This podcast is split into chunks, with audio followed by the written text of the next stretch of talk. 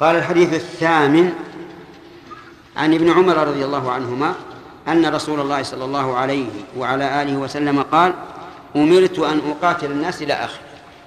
أمرت بالبناء لما لم يسمى فاعله لأن الفاعل معلوم وهو الله عز وجل. أمرت أن أقاتل الناس. وإبهام المعلوم سائغ لغة واستعمالا سواء في الأمور الكونية أو في الأمور الشرعية. في الأمور الكونية قال الله عز وجل وخلق الإنسان ضعيفا والخالق هو الله عز وجل. في الأمور الشرعية كهذا أمرت أن أقاتل وكقوله تعالى وكقوله صلى الله عليه وعلى آله وسلم أمرت أن أسجد على سبعة أعظم أمرت أي أمرني ربي. فما هو الأمر؟ الأمر طلب الفعل على وجه الاستعلاء. طلب الفعل على وجه الاستعلاء أي أن الآمر أو طالب الفعل يرى أنه في منزلة فوق منزلة المأمور. لأنه لو أمر من يساويه سمي عندهم التماسا. ولو طلب ممن فوقه سمي دعاء وسؤالا. فلا بد في الأمر أن يكون الآمر يشعر بأنه في مرتبة فوق مرتبة, مرتبة المأمور. أن أقاتل الناس هذا المأمور به. أقاتل الناس. والمقاتلة غير القتل. المقاتلة هي أن يسعى في جهاد الأعداء حتى تكون كلمة الله هي العليا. القتل أن يقتل شخصا بعينه. ولهذا نقول ليس كل ما جازت المقاتلة جاز القتل. القتل أضيق. لا يجوز إلا بشروط معروفة. المقاتلة أوسع. ولهذا نقاتل الطائفة الممتنعة عن عن الصلح فيما إذا اقتتل الطائفتان وبغت إحداهما على الأخرى. فنقاتل التي تبغي. وقاتل أبو بكر الصديق رضي الله عنه قاتل مانع الزكاة ولكن لا يقتلون. قاتلهم حتى يذعنوا للحق. طيب أن أقاتل الناس حتى يشهدوا أن لا إله إلا الله. حتى هنا للغاية أو للتعليل أي أن أقاتل ليشهد أو للتعليل. نعم أو أو للغاية. أقاتلهم إلى أن يشهدوا. الظاهر الثاني وهي تحتمل لكن الثاني أظهر. يعني أقاتلهم إلى أن يشهد حتى تأتي للتعليل وتأتي للغاية. فقوله تعالى لن نبرح عليه عاكفين حتى يرجع إلينا موسى. هذه ولا ولا ولا تصح التعليل؟ نعم. لا. لا تصح. لأن بقاءهم عاكفين على العجل لا يستلزم حضور موسى. وقوله عز وجل عن المنافقين لا تنفقوا على من عند رسول الله حتى ينفضوا. حتى هنا؟ لا ما هي الغاية. للتعليل. يعني لا تنفقوا من لأجل أن ينفضوا عن رسول الله. وليس المعنى لا تنفقوا حتى ينفضوا فإذا انفضوا فأنفقوا. طيب. حتى يشهدوا أن لا إله إلا الله. يشهدوا بألسنتهم وبقلوبهم. لكن من شهد بلسانه عصم دمه وماله وقلبه إلى الله عز وجل. أن لا إله إلا الله أي لا معبود حق إلا الله عز وجل. فهو الذي عبادته حق ومن سواه بل وما سواه فعبادته باطلة. وأن محمدا رسول الله. محمدا هو ابن عبد الله. وأبرز اسمه ولم يقل وأني رسول الله. للتفخيم. للتفخيم والتعظيم. و ورسول الله بمعنى مرسله. وسيأتي إن شاء الله تعالى في الفوائد ما يترتب لها. ويقيم الصلاة أي يفعلوها قائمة وقويمة على ما جاءت به الشريعة. والصلاة هنا عامة لكن المراد بها الخاص وهي الصلوات الخمس. ولهذا لو تركوا النوافل ما لا يقاتلون. و و ويؤتوا الزكاة أي يعطوها مستحقها. والزكاة هي النصيب المفروض في الأموال الزكوية. ففي الذهب مثلا والفضة وعروض التجارة ربع العشر يعني واحد من أربعين وفيما يخرج من الأرض مما فيه الزكاة نصف العشر إن كان يسقى بمؤونة والعشر كاملا إن كان يسقى بلا مؤونة. وفي الماشية لا ينحصر لأنه معين بالسنة. فإذا فعلوا ذلك أي شهدوا أن لا إله إلا الله وأن محمد رسول الله وأقاموا الصلاة وآتوا الزكاة عصموا مني دماءهم وأموالهم.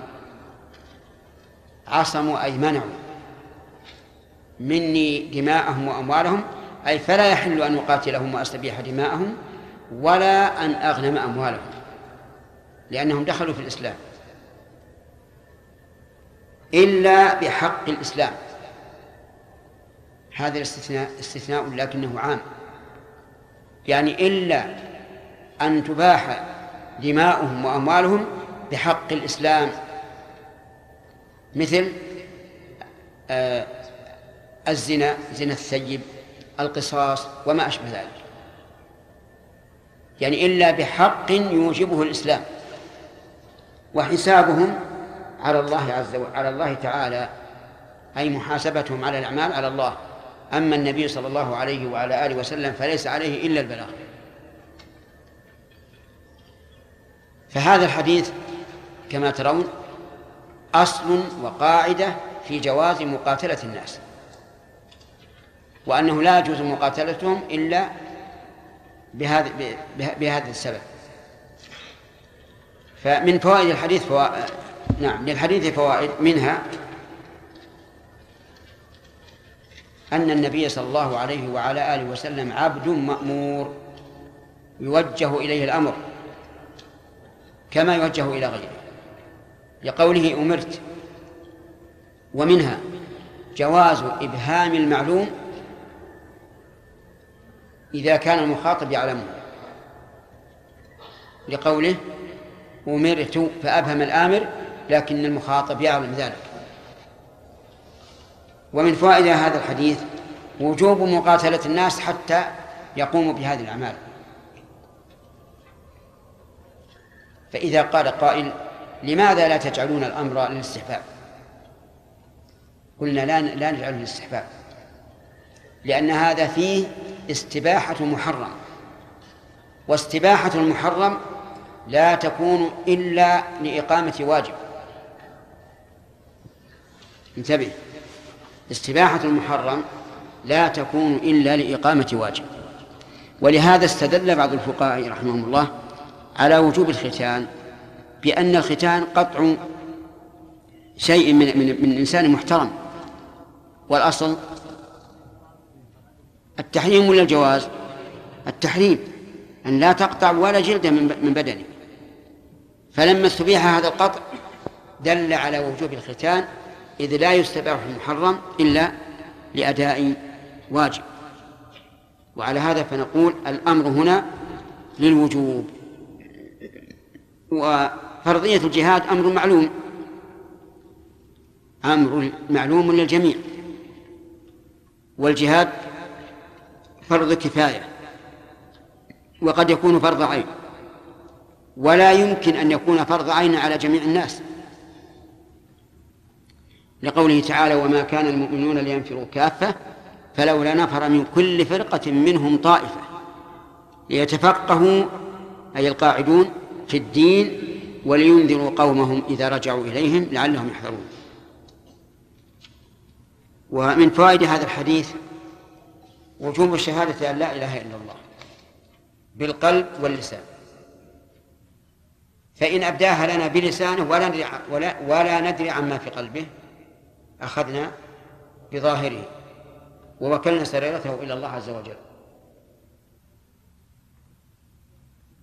ولا يجوز أن نتهمه ونقول هذا الرجل قالها كاذبا أو خوفا من قتل أو أسر لأننا لا ننقب عن قلوب الناس. ومن فوائد هذا الحديث أنه لا بد أن يعتقد الإنسان أن لا معبود حق إلا الله. فلا يكفي أن يعتقد أن الله معبود بحق. لأنه إذا شهد أن الله معبود بحق لم يمنع أن غيره أن غيره يعبد بحق أيضا. لا يكون التوحيد إلا بنفي وإثبات. لا إله إلا الله. نفي الألوهية عما سوى الله وإثباتها لله عز وجل. ومن فوائد هذا الحديث أن المقاتلة لا ترتفع إلا بشهادة أن محمد رسول الله. وأما الدخول في الإسلام فيكون بشهادة أن لا إله إلا الله. لكن لو شهدت طائفة أن لا إله إلا الله وأبت أن تشهد أن محمد رسول الله قتلت أو لا؟ نعم تقاتل. تقاتل. طيب. شهادة أن محمد رسول الله تستلزم تجريد المتابعة له وأن لا يتبع من سواه وكذلك تصديق خبره وامتثال أمره واجتناب نهيه. من فوائد هذا الحديث وجوب إقامة الصلاة. لأنه إذا لم يقمها فإنه لا يمتنع قتاله. بل قد قال الفقهاء رحمهم الله يقاتل أهل بلد تركوا الأذان والإقامة. وإن صلوا لأن الأذان والإقامة من شعائر الدين الظاهرة. فإذا قال قوم نحن لا نؤذن ولا نقيم ولكن نصلي. وجب أن يقاتل. واستدلوا بأن النبي صلى الله عليه وسلم كان إذا غزا قوما أمسك حتى يطلع الفجر. فإن سمع أذانا كف عن قتالهم وإلا قاتلهم. كذلك قالوا أي الفقهاء يقاتل أهل بلد تركوا صلاة العيد. وإن لم تكن فرضا على الأعيان كفريضة الصلوات الخمس. قالوا لأن صلاة العيد من شعائر الإسلام الظاهرة. فيقاتل أهل البلد إذا تركوا صلاتي العيدين. ومن فوائد هذا الحديث وجوب إيتاء الزكاة. لأنها أي الزكاة تمنع أو لأنها جزء مما يمنع مقاتلة الناس. ولا بد أن تكون أن تكون أن يكون إيتاء الزكاة إلى مستحقها. فلا يكفي أن يعطيها غنيا من أقاربه أو أصحابه لأن ذلك لا يجزئ. لقوله تعالى إنما الصدقات للفقراء والمساكين والعاملين عليها إلى آخر الآية. ومن فوائد هذا الحديث إطلاق الفعل على القول. كما يص... كما يطلق القول على الفعل. أين إطلاق الفعل على القول؟ قول إذا فعلوا ذلك مع أن فيها أن في جملة هذه الأشياء الشه... الشهادتين. وهي وهما قول. ووجه ذلك أن القول حركة اللسان.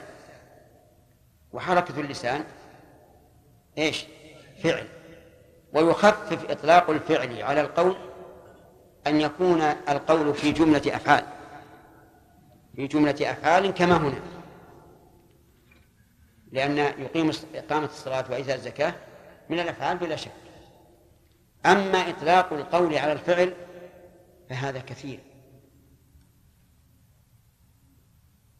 كما في حديث عمار بن ياسر أن النبي صلى الله عليه وعلى آله وسلم قال له قال حين تيمم قال ثم قال بيديه هكذا وضرب بهما الأرض.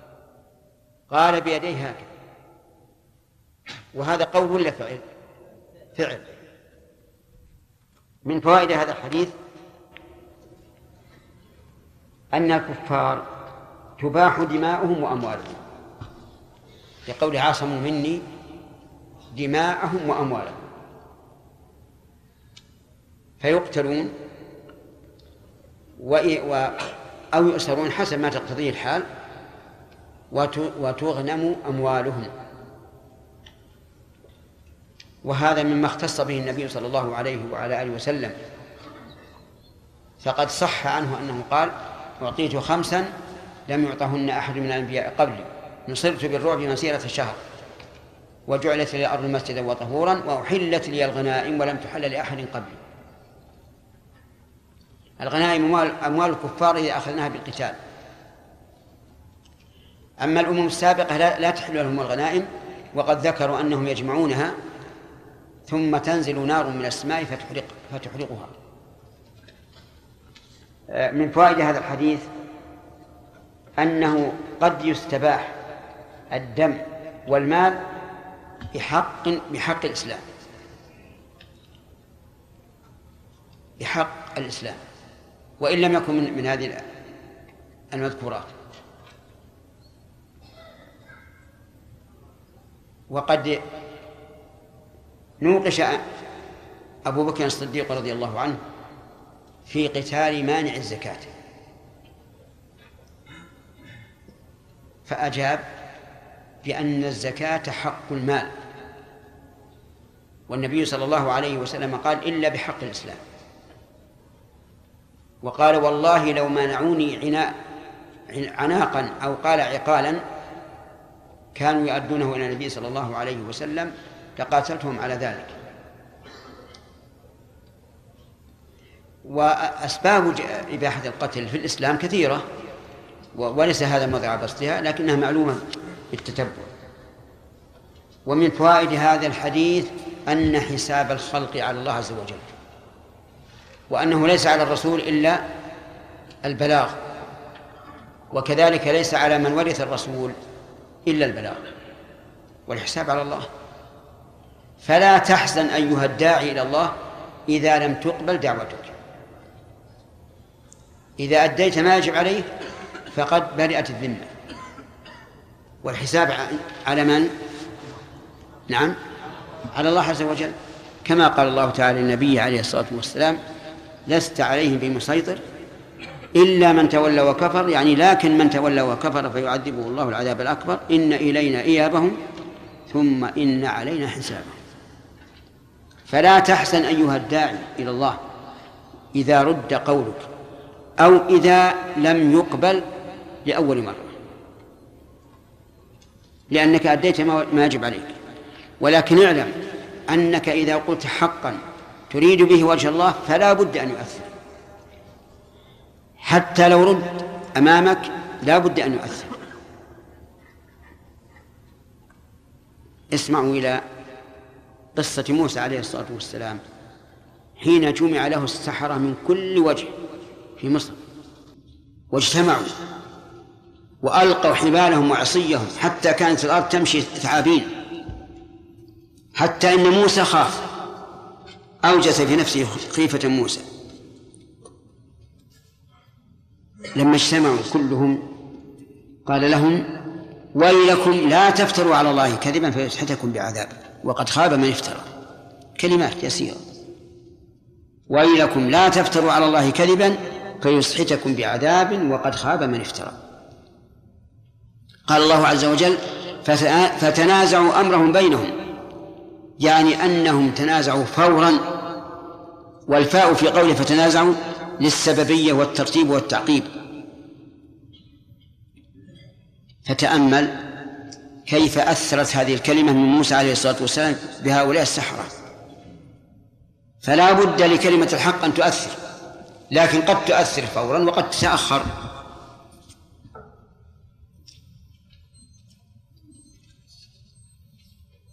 طيب القتل قلنا هناك فرق بين القتل والقتال. أيهما أوسع؟ القتال.